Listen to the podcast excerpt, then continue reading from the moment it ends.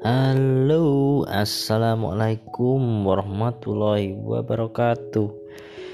Kembali lagi di podcastnya Sugiarto, podcastnya Wong Jowo Wong Kalem.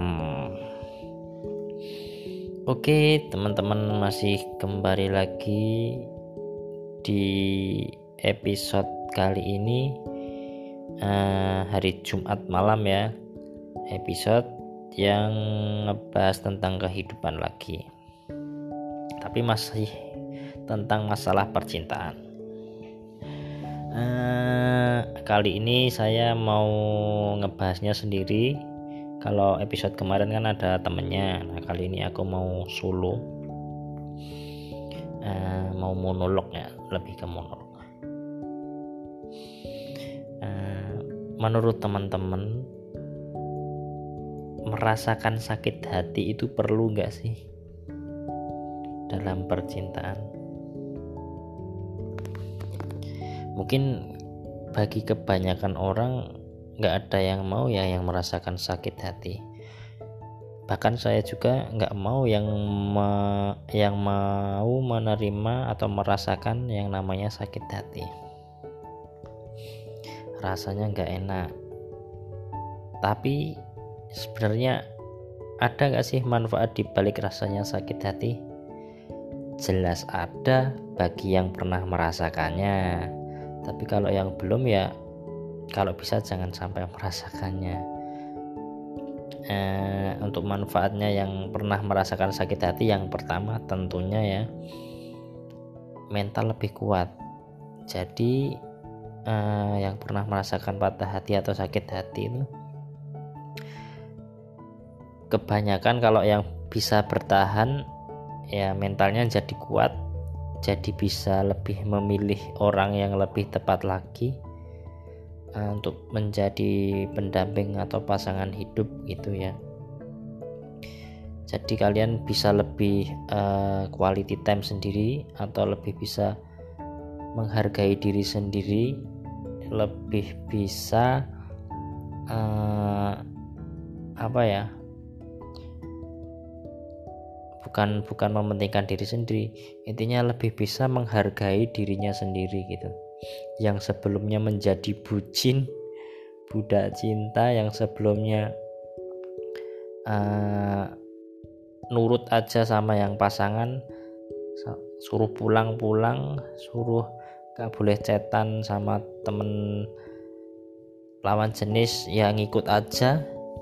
Ya intinya bucin gitulah tapi setelah pasah tapi setelah patah hati bagi yang bisa bisa melewatinya tentunya hatinya jadi lebih tegar mempunyai pendirian yang lebih kuat. Dan untuk misalnya untuk menjalin hubungan lagi dengan orang lain ya dia bisa memilih mana yang lebih baik untuk dirinya sendiri. Dan jikalaupun kalau uh, merasakan patah hati lagi nggak terlalu sakit karena udah udah pernah merasakannya udah biasa. Ya misalnya kalau ditinggal ya tinggal cari lagi aja gitu.